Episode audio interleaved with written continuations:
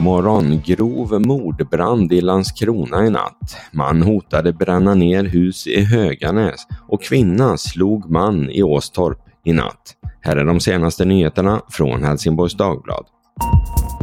Igår kväll inträffade en lägenhetsbrand på Öster i Landskrona.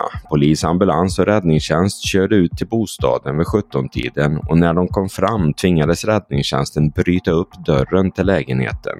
De stötte på en mindre brand i köket vars exakta orsak är oklar enligt Håkan Månsson från räddningstjänsten Syd.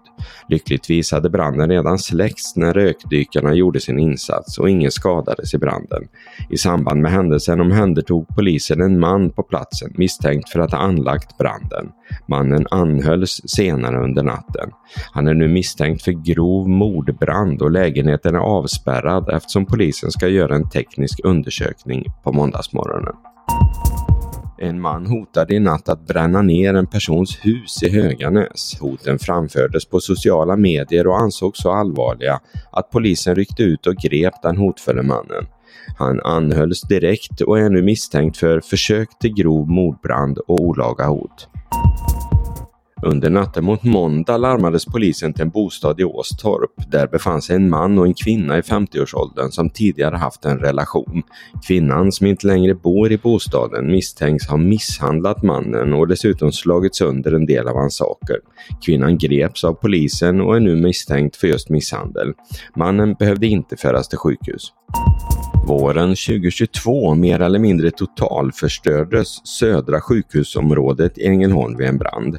Idag är resterna av byggnaderna borta och kommunen vill skapa ett campusområde för utbildning men också bostäder.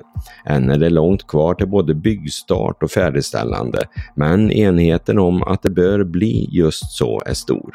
Det nya området får namnet Kronodalen.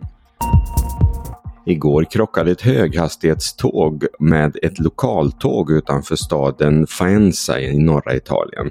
17 personer skadades men ingen av dem livshotande. Olyckan inträffade efter att ett av tågen stannat för ett signalfel.